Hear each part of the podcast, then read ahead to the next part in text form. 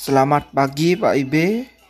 Pada kesempatan kali ini saya akan membagikan tutorial membuat lagu menurut saya yang dialami selama beberapa minggu ini yang telah membuat lagu itu.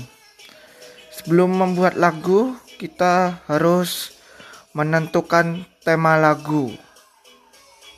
Yang kedua, menentukan pesan dari lagu itu untuk dibuat.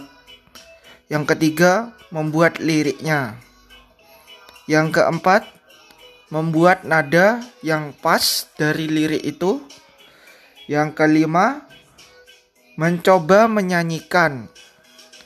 Yang terakhir, memperbaiki lirik atau nada lagu yang kurang pas atau kurang cocok atau supaya terdengar nyaman dan merdu dan masuk ke dalam hati pendengar. Sekian.